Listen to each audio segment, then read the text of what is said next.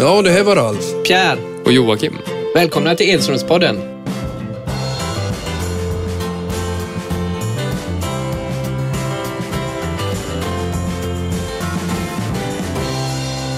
Hej och välkomna till Edströmspodden.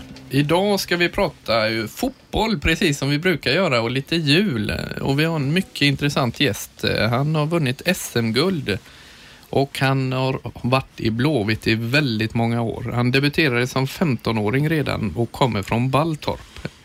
Vi hälsar Niklas Bärkroth varmt välkommen till Edströmspodden. Tack så mycket, kul att vara här.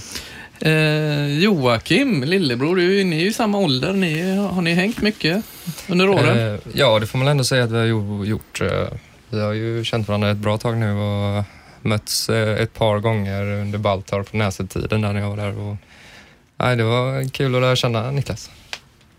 Vad jag tänkte på eh, Blåvitt och det här, eh, lite tema tänkte vi, eh, övergången junior-senior, den, den är ju ganska tuff men du hoppade rätt in i hetluften, 15 år och debutera. Hur, hur var det för dig?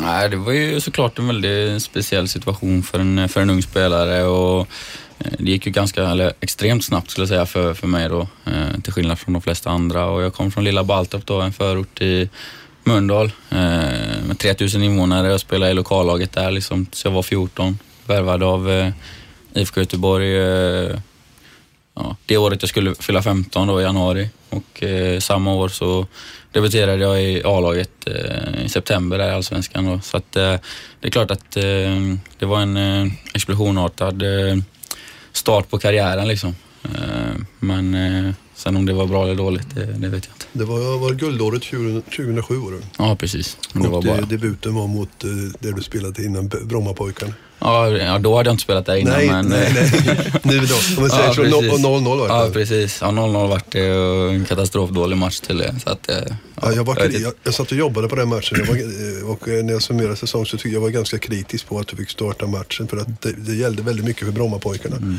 Och då tänkte jag på dem som jagade och ville vara kvar och Brommapojkarna får då ett 0-0 resultat borta mot eh, Göteborg. Eh, det var inte kritiskt mot dig men just att du kunde hoppat in och slagit rekordet för du slog ett rekord. Det var väl Peter Dahlqvist innan som hade Mm. Ja, rekordet. gamla eh. Ja, jag stämmer gott det. Så. Jag kommer så väl ihåg den matchen. Mm. Ja, nej, för det är ju det man resonerar kring. När är gränsen? Och det är ju ganska tufft att kliva in i Allsvenskan. Det smäller ganska hårt och det är, det är en ganska stor risk. Eh, Hur ser du själv på det hela? Var det, var det för tidigt? Det är en fråga som återkommit jättemånga gånger och som, som jag själv har reflekterat över eh, otroligt mycket eh, från den dagen det hände liksom egentligen. Fram till bara för ett par år sedan när jag kände att nu får det räcka. Och, men, men så här i efterhand så, så kan jag väl känna att eh, ja, det var lite för tidigt i alla fall på det sättet som det blev. För jag debuterade som sagt när jag var 15 år där och visst jag var jättelångt fram i min utveckling tidigt och, och duktig i ungdomslag och U-laget i Blåvitt och sådär var långt fram där. Men eh, men det är klart att det är steget till en, till en allsvensk toppklubb i, eh, i stort och det, det, det var nog lite för stort, kanske inte rent fotbollsmässigt med de egenskaperna jag hade men med allt annat som är runt omkring så blev det otroligt mycket att ta in och det gick som sagt otroligt fort. Jag gick i åttan i högstadiet. Eh, jag kollar på min lillebrorsa nu som går i åttan liksom, så ja, det finns ju inte att de ska spela i allsvenskan i alla fall. Så att eh, eh det var speciellt och samtidigt så kan man inte gå och ångra saker här i livet men eh, Du ska inte ångra någonting för jag menar det är, det, är kul att man får göra det. Det är ett rekord som är svårt att slå också. så Ja, jag det är det absolut. vara stolt Ja, jag, är, jag är otroligt stolt över det och fram, framförallt att få gjort det i en sån fin förening, en av Sverige som inte är Sveriges eh, största förening liksom, så, så är det klart att det är någonting som står i historieböckerna och som kommer leva med mig eh, förmodligen väldigt, väldigt länge. Eh, men, men problemet var bara det att efter den matchen så Ja, så, så hade jag liksom, det var ingen kontinuitet liksom. Det var inte att jag var en A-lagsspelare efter den matchen utan eh, som 15-åring då så tror man att nu, nu jäklar ska jag spela varenda match här liksom. Och nu ska jag spela i Blåvitts A-lag och då var det tillbaka till utruppen och träna med A-laget ibland och fram och tillbaka och ingen som sagt riktig kontinuitet och svårt att utvecklas under den perioden måste jag säga. Joakim, hur, vad är dina eh, tankar? Du, du har ju varit nära Niklas under många år. Hur, hur, hur var eh, han som spelare när ni spelade? Ja, alltså när vi mötte Baltorp med Näset, vi var 12-13 år där, så var, var det ganska stor skillnad på Niklas och de andra i våran ålder där. vi satte ju nästan tre pers på Niklas för att han var så snabb och stark. Eh, så det är klart han var väldigt långt fram i utvecklingen. Sen så tycker jag ju liksom, eh, när han var 16-17 år var jag i Blåvitt där att, eh, att eh, inte få spela så mycket, det är klart det är tufft och så, men jag tycker ändå han skulle gå vidare. Eh, kanske på en utlåning till en superettaklubb och så, men det är ju lätt att säga här efterhand som sagt. Och, men sen så får man ändå säga att eh, i år så var det SM-guld. Så vad det Var det en revansch? Kändes det skönt eller hur kändes det? Alltså på ett sätt var det ju, var det ju lite så. Jag, jag har inga hard feelings mot, mot Blåvitt på det sättet alls utan det, det är ömsesidigt liksom att eh, jag känner väl att jag inte fick alla de chanserna jag skulle ha fått.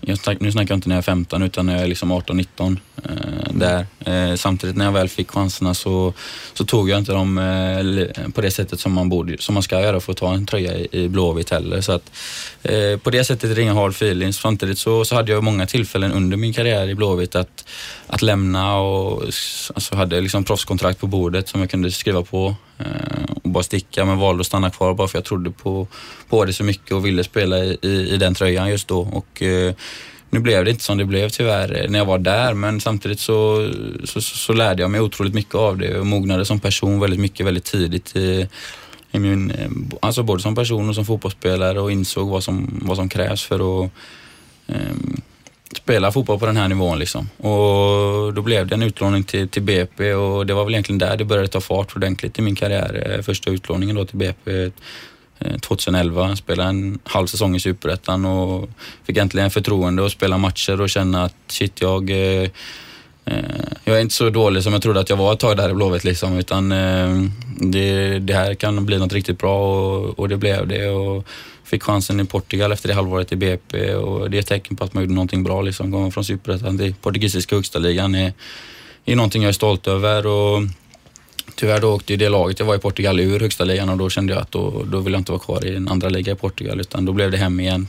Eh, och, och, då var det ju fortfarande kontrakt med Blåvitt då, men, men kände väl att, ja, hade kört fast lite där och de hade väl inga tankar om att jag skulle vara en startspelare då heller och då, då, då var beslutet ganska enkelt att bryta, bryta avtalet och få en nystart någon annanstans och skriva på ett eh, tvåårskontrakt med Brommapojkarna. Och det var väl egentligen där eh, som jag kände att, eh, ja, att, att utvecklingen verkligen började ta fart liksom och klippt vingarna från, från Blåvitt och gav verkligen det allt jag kunde för att, för att lyckas där men blev aldrig på det sättet som, som jag ville. Och två jättebra år i, i Allsvenskan med BP personligen, även om laget hade det tufft. Och åkte ut Allsvenskan inför detta året och, och eh, skrev på för, för IFK Norrköping. Och det var en, det var väl en nystart kan man väl säga när du kom hem till BP. Men hur var proffslivet förresten? Hur trivdes du där nere i Portugal?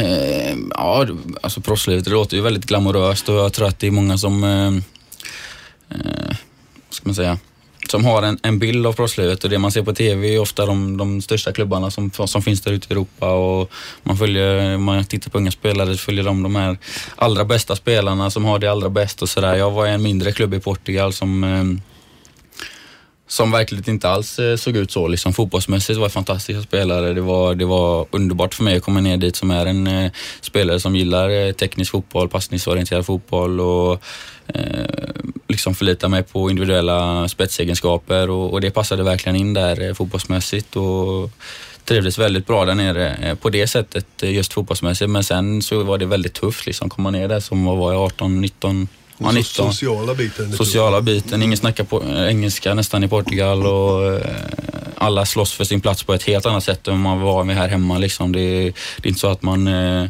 fikar med halva laget efter träningarna liksom, utan de kollar knappt på en när man kommer från Sverige. En, liten, alltså, en tonåring kommer från Sverige, kommer, fan mm. gör du här liksom? Och tillbaka. Man, Eh, Eh, det är så otroligt viktigt med, med, med, med, fotbollen där nere och man märker skillnaden liksom i sociala livet och sådär. Jag kommer ihåg den, den, klubben jag var i, nu var jag inlånad, det var en speciell övergång för det var ju Benfica som lånade mig och satte mig i en eh, mindre, mindre klubb då som hette Leiria som jag var i, kanske man ska säga också. Leiria hette den klubben och många av eh, spelarna, eller många, många spelare i portugisiska ligan är just så att de största klubbarna har 50-60 spelare och så sätter de 30 av dem i mindre klubbar. Men Så vi fick ju våra löner utbetalda då av typ Benfica, som jag var det, och Norway Port och sådär. Men de som hade kontrakt med de här mindre klubbarna fick väldigt sällan sina löner och det kunde vara att de strejkade från träningar och en match blev en världsnyhet liksom. Och det, det ska man komma ihåg att det är en av fem, sex största ligorna i världen och då kom jag till matcharenan en gång och då satt jag i omklädningsrummet så sitter det sju pers där inne.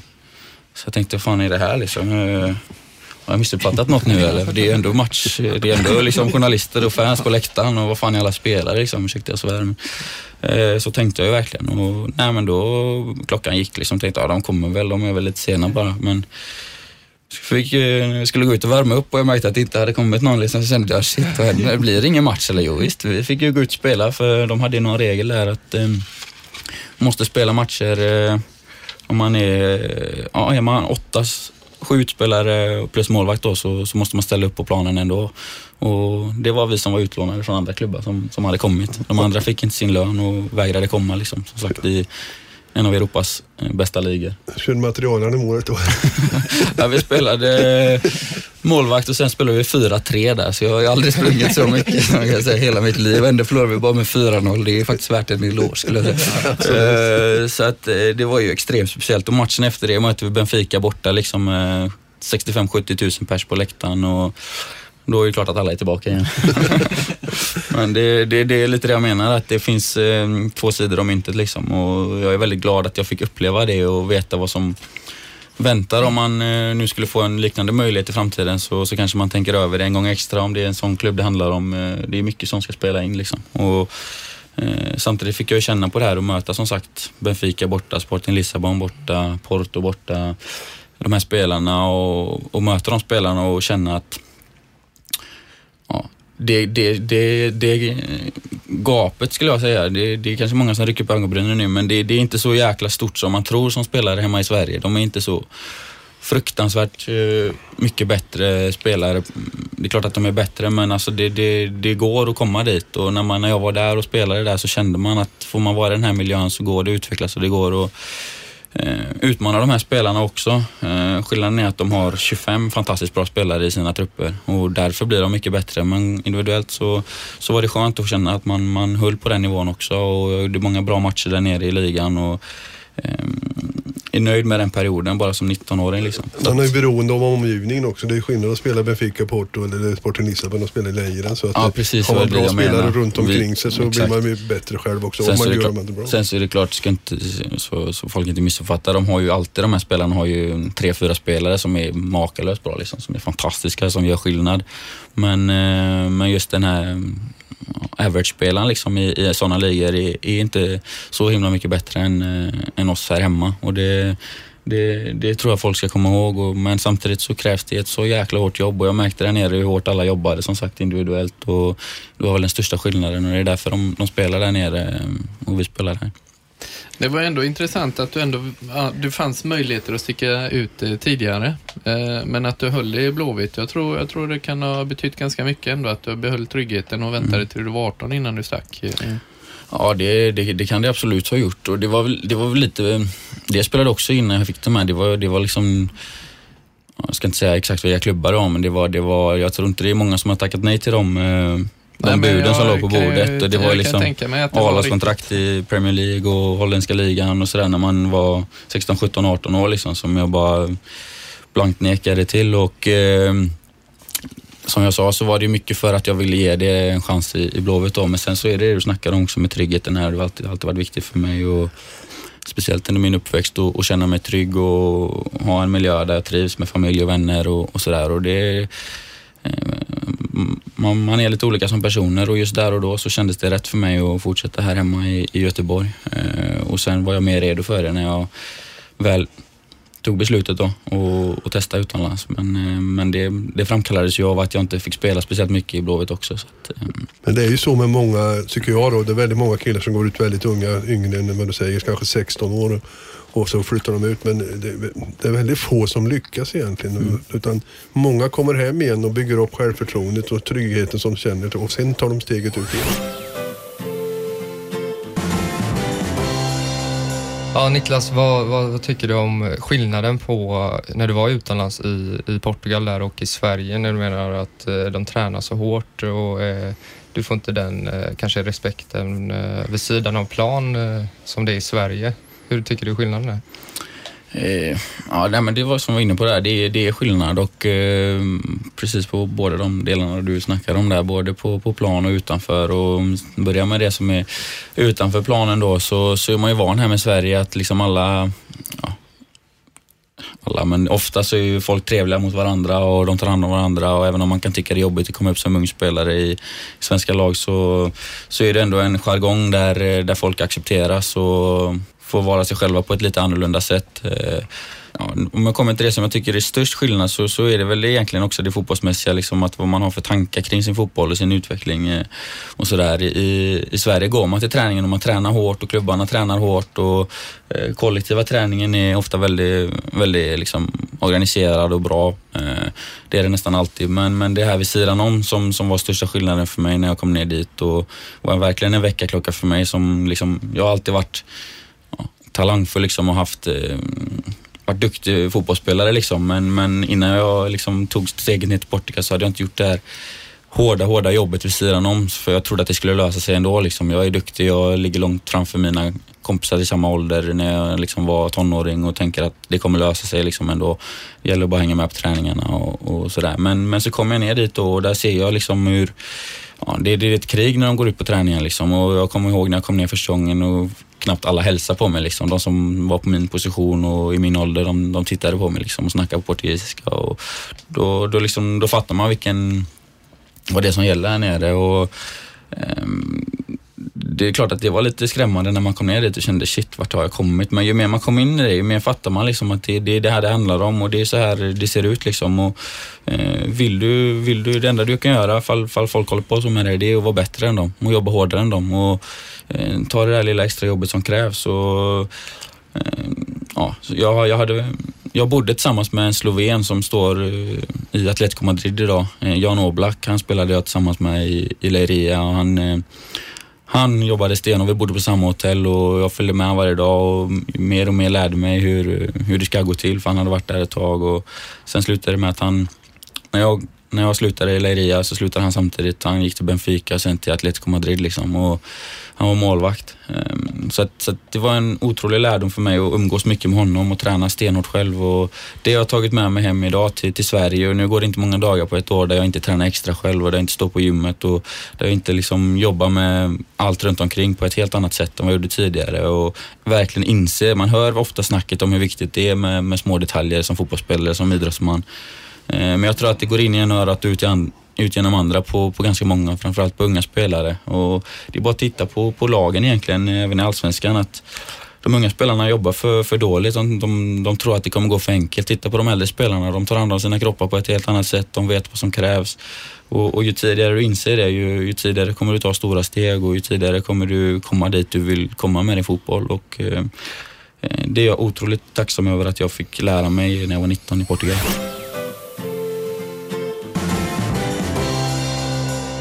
Det var en fantastisk eh, minnesupplevelse man fick eh, häromdagen när eh, man blickade tillbaka till U21-EM eh, i somras. För oss andra, men kanske inte för dig Niklas. Det var lite jobbigt där. Eh, bröt foten innan. Ja, det, det är klart att det, det är ju någonting som, som är jobbigt som, som jag missade, som, kommer, som, som jag kommer få leva med. Liksom. Eh, samtidigt så, ja, jag kan ju dra storyn då, jag var ju med hela hela kvalperioden liksom på två års tid i u landslaget där och var med i stort sett varenda samling. Startade väl inte eh, jättemycket matcher men var ändå med på alla samlingar och spelade eh, många matcher och hoppade in och sådär och, och, var verkligen en del i det laget och vi hade verkligen gjort en fantastisk eh, sak och, och, tagit oss till, till EM här och man såg fram emot det extremt mycket. Och, eh, Sen så, så går jag och bryter foten tyvärr då i första matchen i Allsvenskan i år. Eh, ett ben i foten eh, och missar då hela det äventyret som, som, som mina kompisar och mitt landslag får, får åka iväg på. Eh, att de, att de går och vinner är ju helt fantastiskt för jag ska inte säga att jag sitter, är, är bitter. Liksom. Det är inte det jag menar för jag är så otroligt glad och stolt och det är fantastiskt att ett svenskt u landslag går och vinner en, en EM-turnering. Liksom. Det, det, det finns ju inte. Och på det sättet de gjorde det också är ju helt fantastiskt. Så att, eh, jag är otroligt glad och stolt som sagt, men sen går det inte att sticka under stol med att eh, gud vad jag har velat vara där alltså. Ja, men det, det är otroligt. Alltså, så man har, försäsongen är jobbiga, Mm. tycker man alltid. Man bygger av sig, man spelar träningsmatcher och äntligen då kommer allsvenskan igång som man har längtat efter då. Och så åker du på en skada i första matchen. Det är ju en mardröm. Och, och så vet du vad som ligger framför dig då. Eh, En, en hel allsvensk säsong med, med Norrköping. Du är ny där och sen då ett EM-slutspel med U21. Och, eh, Jag förstår din bitterhet men som sagt, glädjen var enorm när man såg det då i förrgår. Det- Killarna gjorde en jätteinsats. eh, Tycker det var underbart att se.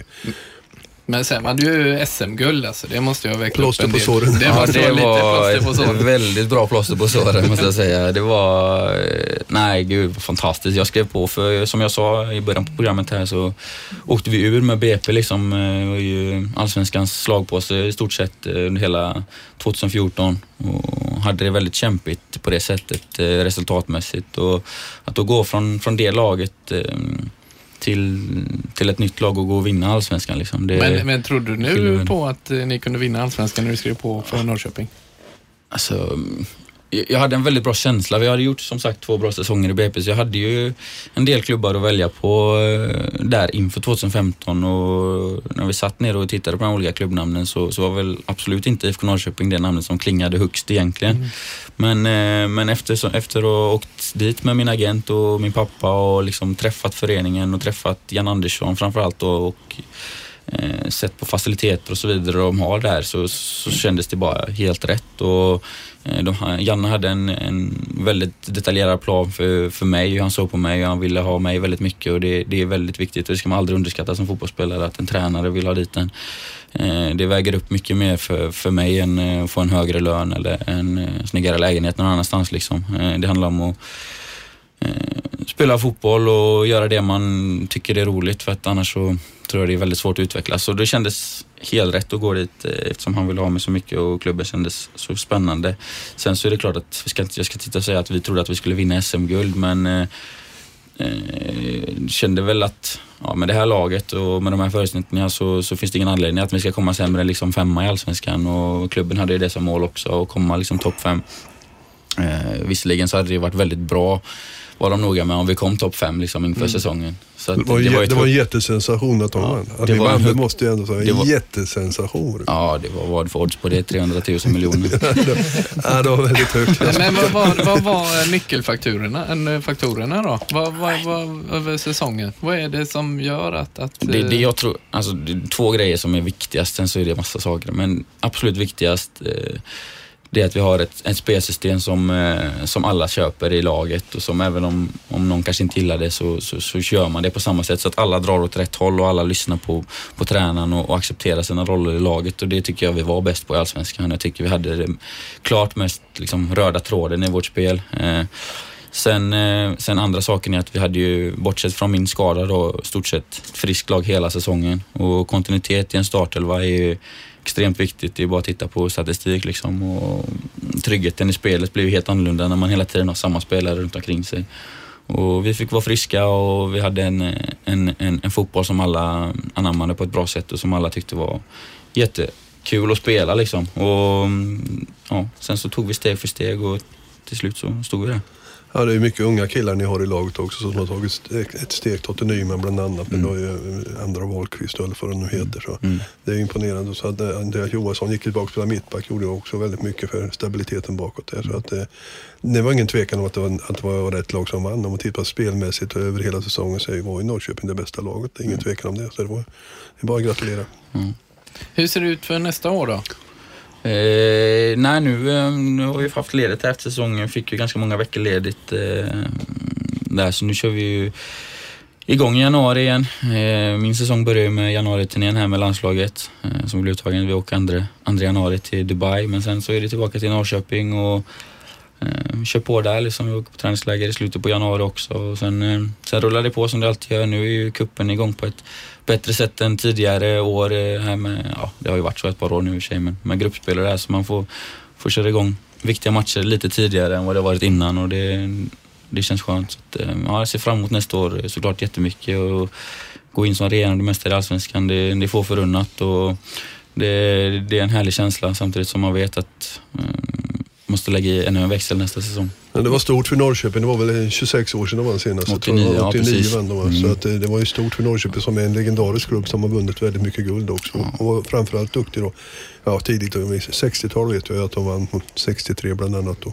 Så att eh, de är, det är en stor klubb IFK Norrköping. Ja, det märker man i stan också. Liksom. Det var, jag har ju spelat liksom i IFK Göteborg här i, i, i Göteborg då, som är en jättestor klubb. Liksom. Men eh, i Norrköping finns det ju bara Norrköping, liksom IFK Norrköping och eh, det finns inget annat och folk andas eh, fotboll där och mm, det har funnits en viss, man, man liksom har hört sig för och känt av när man kom dit i början, en viss liksom desperation efter framgång igen för att eh, som du säger så har de haft fantastiska framgång tidigare och Ehm, nu när de fick det igen då så var det som att eh, någon slog på liksom jag tänker det är en lampknapp i en stad liksom. De bara tände stan igen liksom, när vi gick och vann här nu. Det var, det var helt, helt sagolikt makalöst liksom. Man, jag gick liksom runt med gåshud i stan. Eh, det är sant alltså. Och det, det, det, det låter ju helt sjukt men Folk, folk var så glada och folk gick och låg och eh, företag eh, gjorde bättre resultat. Liksom man har hört massa såna grejer att allt bara exploderade i stan när det började gå så bra som det gjorde. Och det, det är otroligt häftig känsla att ha varit en del i det liksom, när det inte bara handlar om fotboll utan det handlar om människor i övrigt också. Att folk, folk, folk mår bättre av det vi gör på en fotbollsplan. Det är ju helt otroligt. Ja, det är ju så i Norrköping. Det har alltid varit mycket kritik. Det sitter ju mycket experter på läktaren där. Har gjort det i alla år då. Och eh, det, jag tror det är en läktare, kallar de för klagomuren till och med. Ja. För att det var så fruktansvärt gnälligt och de kräver mycket, väldigt mycket av, eh, av laget då. Eftersom det har varit så bra genom tiderna. Då, så att Mm. Ja, nu ska vi stor- vinna Champions League tydligen också. Så Ja, det, det, kan, det kan vara att ta i, men det, det, ändå tycker det är kul. Malmö ändå visat vägen att det går att ta sig in i, de är två år i rad, tagit sig in i slutspelet i Ja, Champions League. Så att det, det, det är fint och eh, även man kommer till Champions League så kan man ha en möjlighet ändå att hamna i Euroleague. Så att, eh, Mm. Det finns två möjligheter för att göra bra från i höst. Mm. Och ni börjar allsvenskan med att möta Malmö borta också. Det måste ju vara, kan man ju håna dem lite då, eller får man göra det? Var det får man håna Malmö för 08? Det, är, det- är det okej eller är det... Nej, jag skrev det på Twitter men jag fick ju det från en helsingborgare då. Helsingborg och Malmö är väl inte så såta vänner att de skulle byta hu- huvudsponsor till, till, till eh, After Eight stod det på bröstet på, på Rosenberg. Och jag tyckte en som, jag kommer inte följa det mer, men har ingen humor? Jag menar, har det varit ett annat lag så har jag fått tillsammans med, nu var det Malmö va? Så jag tycker det, man måste ju ha glimten och humor och kunna skratta också åt sånt här. Nej, men man måste ju ha förståelse också. Helt utanför säsong och, och eh, det, är ju inte helt lätt att åka bort och, Och Real Madrid, Real. nej, Real Madrid hade ju lite mer att visa för sin egen publik också. De hade åkt på 0-4 mot Barcelona på No Camp, eller på eh, Bernabéu. Det är klart att det var en extra tagg. Plus att eh, Cristiano Ronaldo hade möjlighet att slå rekord. Eh, så de ställde upp med, med det bästa de hade. Så att det, det, det var väl det. Och Malmö gjorde inte det. Rosenberg var inte med bland annat och problem överhuvudtaget. Så att, men det var lite stora siffror. Jag tippade 5-0.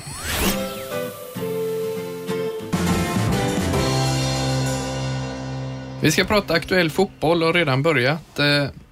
Vi tänkte ta EM, det stundande. Vad tycker vi om Sveriges lottning egentligen? Ja, jag tyckte ju det, var- det var en tidning som ringde och frågade mig och sa eh, om jag hade mardrömslottning eller mardröm som tycker illa. Det var ju naturligtvis Tyskland, Italien och Irland. Så, så jag, och två av de lagen fick vi, fick Italien och Irland. Då.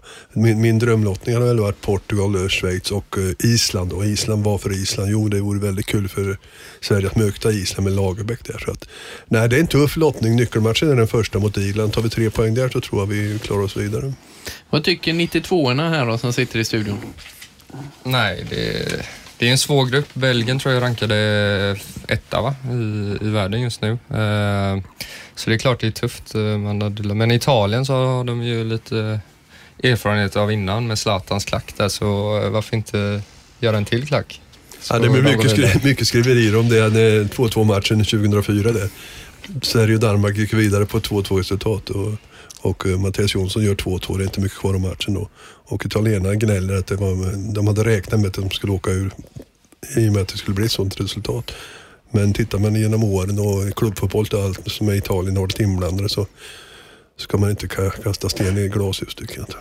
En bra januariturné så kanske du är med Niklas, vad tror du? Ja, då får den vara väldigt bra tror jag, den januariturnén. Eh, nej, men det är klart att eh, det är klart att man ska sätta upp mål och någonstans så, så, så vet man ju hur det funkar i fotboll, att det, det kan hända. Liksom. Det kollar på Isak Kiese karriär till exempel. Eh, där. Så, att, så att jag ska inte sitta här och säga att det inte är någonting som, som man har tänkt tanken på, men, men det är en lång väg dit för mig. Och, för mig handlar januaritidningen om att göra så bra intryck jag bara kan på, på landslagsledningen och ja, få en bra start på min, eh, min säsong. Liksom. Sen så, så handlar allting om eh, allsvenskan och vårsäsongen där och sen får man se, liksom, går det fantastiskt bra där eh, och, och det blir mycket mål och assist och vi spelar bra och sådär, då är det klart att då finns det en, en chans. Men, men, men den är som sagt liten, men den finns där. och eh, Kvalitetsmässigt så, så, så vill jag spela i A-landslaget. Jag känner att jag kan göra det, men sen om det blir till EM eller om två år, liksom, det får vi se. Men, men absolut eh,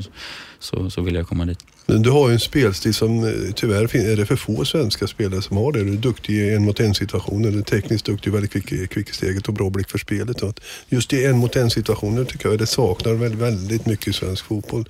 Utan man istället för att göra, försöka att gå förbi sin gubbe så tar man det säkra och skjuvar bollen i sidled och låter någon annan göra arbetet. Man kan lyckas, misslyckas tre gånger men fjärde gången är man förbi och då kommer det in och blir mål. Så att man, den, den kvaliteten har du eh, så att det finns några möjligheter för det skulle jag säga. Tack så mycket.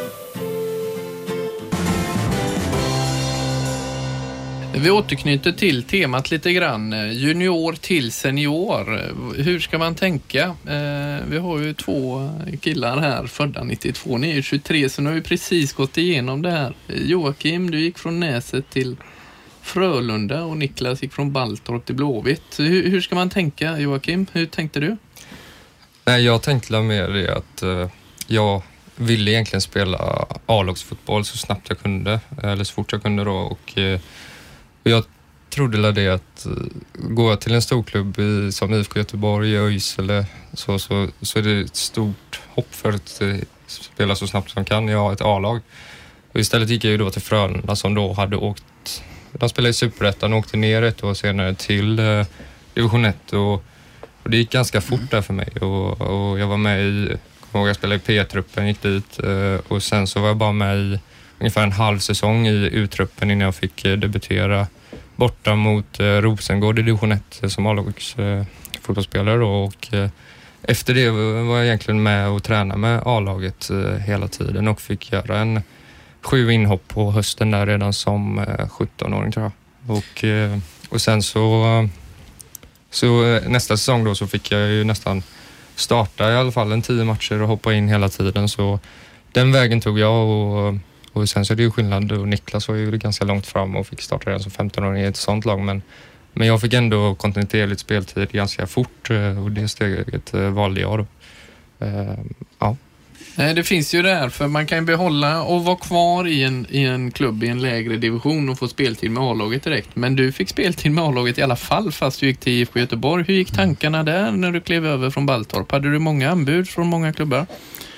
Alltså, jag är inte den typen som gillar att prata om liksom, såna här grejer om mig själv, men det är klart att det fanns ja, väldigt mycket klubbar sådär, just där och då. Jag spelade liksom, det var ju precis i början när man var i landslag och sådär. Jag var ju lagkapten i juniorlandslaget och, och sådär. Och det fanns, fanns en del att välja på, men liksom Blåvitt var ju det självklara valet för mig ändå. Eh, största klubben i Göteborg. Och, men, men som sagt, det var inte A-laget jag gick till utan det var ju deras uttrupp eh, där. Och, och i och med att det blev en debut så tidigt så vart det ju lite hackigt som jag sa där i början. Att det, det vart lite upp och ner och liksom kurvan var inte så stabil utan det var, det var mm, A-laget där, utruppen där, eh, liksom B-lagsmatch, eh, träna med A-laget, träna med utruppen, eh, gå i skolan samtidigt. Det, det, det var inte så, ja, ska man säga, Eh, ja, det, det var ostabilt på det sättet och eh, om man tänker tillbaka på det så hade det varit kanske bättre utveckling att vara i utruppen i en, två säsonger först liksom och få, få, få den för att det är bra matcher när man är 15 år. Jag var ju, eller jag var ju 14 när jag kom dit som sagt, 14-15 och även där är ju yngst i uttruppen liksom. Det var ju, de var väl 17 år då, som snittet liksom. Det var aldrig aktuellt att stanna i Baltorp då och spela deras Nej, A-lag? det var det inte för de hade, eh, de gjorde ju ett A-lag precis när jag stack i och för sig. Men eh, det var division 7 liksom, då kände jag att det, Ja, det kanske är gränsen. Det var jag lite kan ju till och med farsan spela liksom. Så jag tänkte, ah, fan jag skiter i det. Nej, men jag, jag tror ändå att eh, U19 eller vad ni spelar mot varandra ni är i- ungefär i samma ålder. Jag, jag tror nog att man kan eh, kanske låna ut spelare till eh, kanske division 2, division 1 eh, lag som 17-åring och få möta seniorer. Jag tror man utvecklas mer då än att spela mot jämnåriga. Så jag tror man utvecklas mer. Man måste vara smartare då också. För risken för smällar är ganska stor då. För de som är i division 2 och division 3, de kommer aldrig högre för de har inte kvaliteterna. Däremot är de ofta fysiskt starka. starka så att bättre att låna ut en, en ung kille tror jag till ett seniorlag på en ganska hyfsad nivå. Ja, jag hade ju exemplen med bröderna Gustafsson där ju, Simon och Samuel. Är de lika gamla som... 95. 95. Ja, för de körde ju på i Fässbergs eh, A-lag ganska länge innan de klev över till Häcken. I alla fall till de var 17-18. Mm. Eh, och, och det funkade ju också. Så det är ju inga rätt och fel så. Men, Eh, men- Claes Ingesson spelade väl i Ödeshög då, jag tror han spelade forward på den tiden när han var 16 år och eh, det tror jag gjorde honom nytta också. Han var fysiskt, fysiskt väldigt stark också. Så att det är olika hur, hur man är i utvecklingen då. Eh, Personligen så var det ju, jag mäktade inte med den tuffa träningen när jag var 16. Jag debuterade när jag var 16 också och fick, det, det, tog för hårt för mig och jag gick sönder. Ja, är det, det- något som det har det hänt en- för er också? Det är en väldigt stor skillnad då när man kliver upp. Jag kommer ihåg eh, redan när jag gick från Frölunda till Gais då 2011, vilken stor skillnad det var att gå från en division 1-klubb till en allsvensk klubb.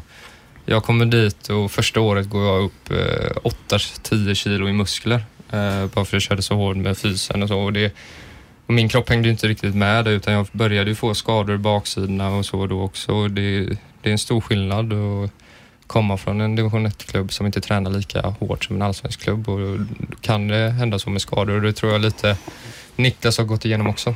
Ja, verkligen. Jag är, ju- jag är ju den spelartypen som är explosiv och snabb också så jag har varit, eh, påfrestar ju baksidor framförallt väldigt mycket då. Och, men som Jocke är inne på, jag var, jag var i Balta och tränade liksom tre dagar i veckan och spelade en match och går till Blåvitt och tränade varje dag och spelade en match liksom. Och, ehm, um, gå i skolan på det. Så att det, var, det var en jäkla omställning eh, rent träningsmässigt och det kände man ju av i kroppen. Och, eh, ja, det, det, det är jätteviktigt att ta hand om sin kropp men det, det vet man inte det är kanske alltid när man gör det här bytet i början där utan man tror att det bara, ja, att det bara ska flyta på men, men det, det gör inte riktigt det och man inser efter ett tag att eh, att vara fotbollsspelare eh, får man nästan lägga lika mycket tid på, på att sköta om sin kropp som att träna. Liksom.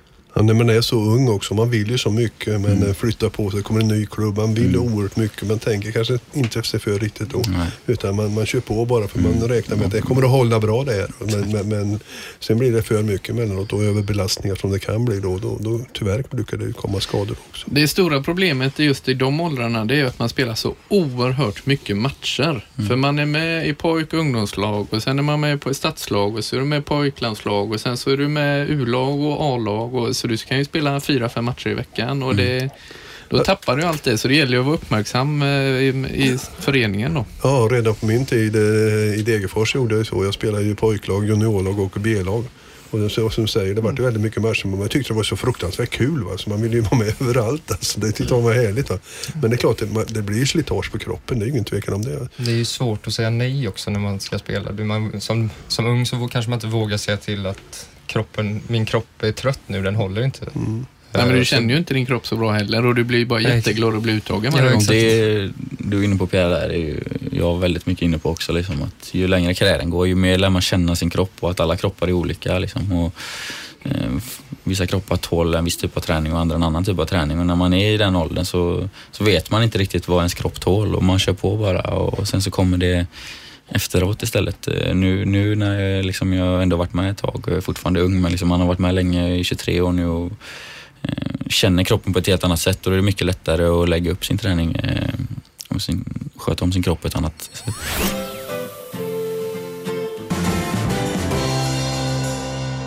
Nej, men vi måste ju ändå nämna det här med eh, diskussionerna som är att man inte ska vinna fotbollsmatcher innan 13 års ålder i seriespelet. Jag ligger väldigt nära där för jag tränar ju 12, 11 och 12-åringar och jag tycker det ligger ett bra argument i, i diskussionstankarna för att eh, prioriteringarna ska ju vara att spela fotboll, inte liksom göra allt för att vinna en match. Så att jag, jag tycker den är bra. Vad tycker ni andra? Botten. Jag tycker absolut inte det. Det är klart man ska få vinna matcher. Det, det, det är, jag tror inte att man spelar ju för att vinna och jag måste, man måste lära sig det också när man är ung. Men jag tycker ändå att det, det är föräldrar som är, står, står i vägen för det hela. Det är föräldrar som är dumma. Det är de som hetsar sina tjejer och killar. Men, men jag tror ändå att det är ganska bra då att man får räkna. Hur hur blir det i kupperna då? Ska Gothia Cup då? Ska alla vinna? Eller hur blir det? Nej, eh, nej, men det är ju seriespelet som det handlar om nu. Också. Eh, och då är det ju, jag tycker ändå att det, för att utveckla spelet eh, under de, i de åldrarna så är ju det passningarna väldigt mycket viktigare än, än att slå långt och komma till avslut. Och, nej, jag, jag är för faktiskt. Ja, absolut, det är klart det är passningsspel. Man ska ju lära sig att, att spela fotboll på det sättet. Men samtidigt så måste man, tycker jag att man måste få in vinnarmentaliteten. Och för det, lär, det är ju det man spelar för, för att vinna matcher.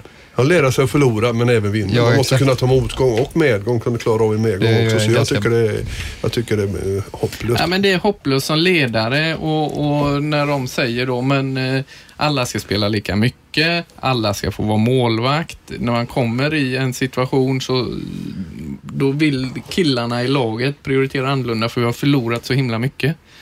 Men då är det ju som ledare väldigt viktigt att trycka på, vi ska ha roligt, vi ska göra bra passningar och vi ska slå tunnlar brukar jag säga.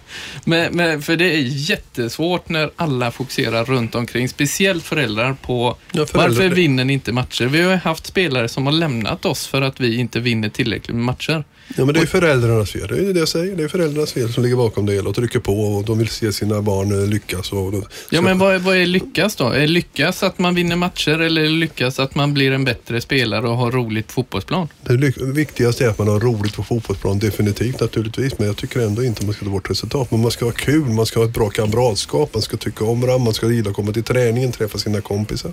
Det är Jo, men om man hänger upp allt det på att vinna, om det är det som är att man blir glad och tycker det är roligt, då är man ju fel ute. Då är det ju bättre att fokusera på att hitta ett bra spel och tycka det är roligt. Ja, men jag tycker fortfarande att det ska vara resultat med. Men det kvittar vad du säger, min äldste son. Men det, jag tycker definitivt det. Du måste lära dig att ta med de motgångar så att det... Nej, nej, det, det är en sket-regel. Ni som har varit nära sist här, yngsta killar. Niklas, har du någon kommentar i det hela? Jag sitter ju närmare Ralf än dig här, så jag håller med han. Nej. Men eh, det är klart att man är ju så himla van och inkörd på, på det här gamla, eller van som det alltid har varit med resultat. Så att jag ska vara helt ärlig och säga att man har varit, eller jag tyckte det var en konstig grej eh, faktiskt att man tar bort eh, resultaten så. Men, eh, men det är klart att argumenten finns ju både, för och emot och jag måste vara helt ärlig och säga att jag känner väl lite att jag vet vilket som är bäst egentligen. Utan det, det, det du säger är ju klockrena grejer liksom att de grejerna det är klart att man ska bli bättre på. Och Det är ju det, är ju det lag utomlands är bättre än svenska lag på också. Liksom. Så att, eh, det, det kan ju vara en bra grej för, för, för ungdomarna att få fokusera mer på själva spelet, fotbollen och göra mål i fotboll. Men, eh, men jag, eh, måste, jag, jag, jag gillar ju att man kan vinna matcher och ha den vinnarmentaliteten tidigt och få in det i, i sitt system. Att man inte gillar att förlora och man, in, ja, så att man måste göra allt för att, för att, för att vinna. Liksom. Och sån har alltid jag varit i alla fall och det har alltid varit en drivkraft för mig att vinna och hata och förlora. Eh, Så jag vet inte, omställningen från att vara 13 år eh, när man inte haft det då under hela sin tidiga karriär till att direkt gå in i det. Kanske, kanske man inte har samma hunger efter att vinna, vad vet jag. Men eh, jag har ingen aning, jag är fel, fel man att sitta Jo, och prata men om eh, det. är du vinnarskalle så är du vinnarskalle. Då blir du förbannad i alla fall Ja. och det kommer du alltid bli. Så Men det jag- kommer du aldrig tappa. Men jag tycker också att nu tränar, ska man träna passningsspel och så säger en fram till 13 så behöver man inte ha några målvakter. Kan ju träna passningsspel utan målvakter när resultaten inte räknas. Nej, men det är ju lite så för att eh, nu finns det ju koner där man ska backa hem bara för man ska sätta igång bollen och rulla och eh, ja, nej, man skulle väl kunna köra med en kona, jag vet inte. Betyder dam på danska. Jag tänkte lite på Niklas vinnarmentalitet här. Den, eh, den är ju enorm måste jag säga. Eh, Ja, vi har ju mött varandra några gånger och jag eh, har varit med då och Niklas har blivit eh, förbannad, riktigt förbannad. Jag kommer ihåg en gång när vi var på landslagsläger tillsammans, mitt första och Niklas hade varit med varenda gång så han var ju en liten stjärna där i eh, landslaget. Och jag kl- kliver in som ny då, känner i och för sig Niklas som innan men jag kapar dig på en eh, träning där och eh, även om vi är kompisar så ställer du upp och skriker fruktansvärt på mig men det var det är Ja. någonting man kommer ihåg då. men det var med din vinnarmentalitet, den, den har du måste jag säga. Ja, nej, men det är som jag sa, det har varit en drivkraft hela min karriär och det är lite speciellt för jag är väldigt, det är ganska, det är väl de flesta i och för sig, men väldigt olik på plan och utanför plan. Jag är, ganska, jag är väldigt lugn och sansad utanför plan.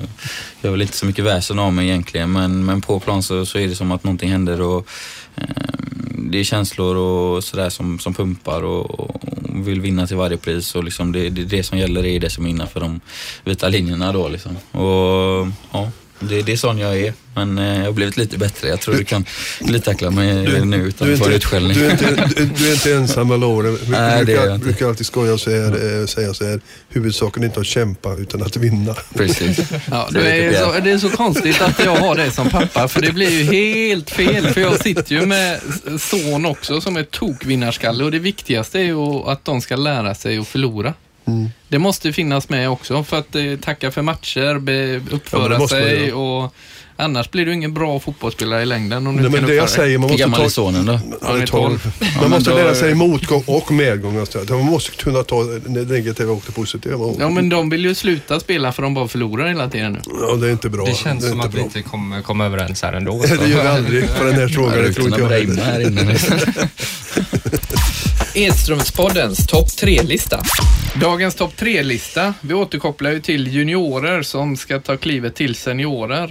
Eh, Niklas, du ska få ta ut eh, vilka som kommer göra det i Allsvenskan 2016. Eh, hur tänker du där? Det finns, det finns ju väldigt många duktiga spelare Allsvenskan, unga spelare och Sverige får ju fram mer och mer individuellt skicklig spelare skulle jag känna, eh, eller säga. Eh, eh, nej men om jag ska ta tre då, som första tre som jag kommer att tänka på. Filip Sakipidis i Kalmar har ju spelat ganska mycket, han är ju 97 men har spelat ett par säsonger i Allsvenskan, både Eh, från start och hoppat in några gånger. Men, men jag tror att han kommer vara riktigt bra nästa säsong om han är kvar i Kalmar, det vet jag inte, men det tror jag. Och, han, kommer, han kommer folk, eh, hans namn kommer folk Vilken position? Veta om. Ja, han spelar lite yttermittfältare, eh, olika, kan vara central ibland tror jag också. Eh, men de gångerna jag har mött honom har varit yttermittfältare och ytterspelare som är riktigt bra. Eh, sen, ja, ska vi ta Niklas Eliasson, AIK, har potential och blir väldigt bra också. Duktiga mot den. Eh, lite tung, kanske behöver lägga på sig lite men får han fysiken så, så tror jag att han kan ta steg också och bli en bra allsvensk spelare. De är ju duktiga på att få fram yttermittfältare i AIK också. Så att, eh, eh, det tror jag. Eh, sen en tredje, jag kan inte ha en kille som inte har spelat i Allsvenskan än. IFK Göteborg, en kille som jag alltid har gillat. Uh, liten kille, Patrik Karlsson Lagemyr. Teknisk spelare som, som är oerhört individuella spetsegenskaper som jag tror eh, kanske inte kommer eh, spela jättemycket nästa år eh, i och för sig, men, men de gångerna han kommer få spela kommer folk se att det är en väldigt bra spelare och han kommer bli bra tror jag. Tack så mycket. Det var ju dagens topp tre-lista då. Filip från Kalmar, Niklas från AIK och Patrik från IFK Göteborg. Ni får följa dessa under kommande säsong.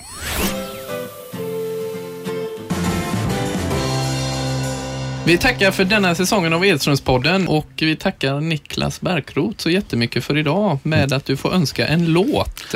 Oj, eh, ja för det första, till att börja med tack så mycket själv. Sen, eh, ja nu är det ju snart juletider här då så att eh, vad passar bättre än Tänd ett ljus med triad.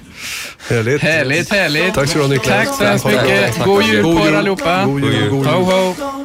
Tänd ett ljus och låt det brinna Låt försvinna, det är mörkt nu. Men det blir ljusare igen. Tänd ett ljus för allt du tror på. För den här planeten vi bor på. Tänd ett ljus för jordens barn. Jag såg en stjärna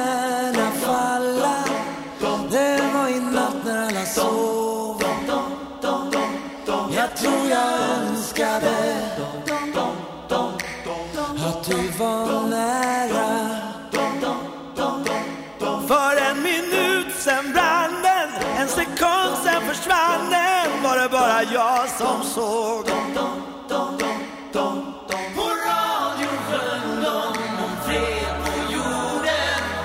Jag ville tro de slitna orden.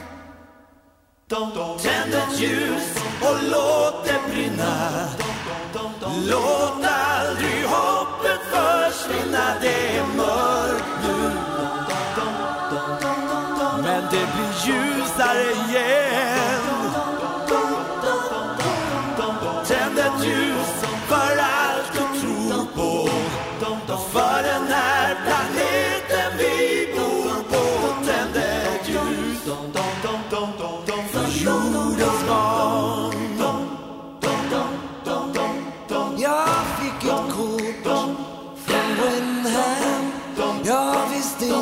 där det låg. Jag såg på kartan. Du är på andra sidan jorden. Men det är samma himmel, det är samma hav och stjärnan som jag såg.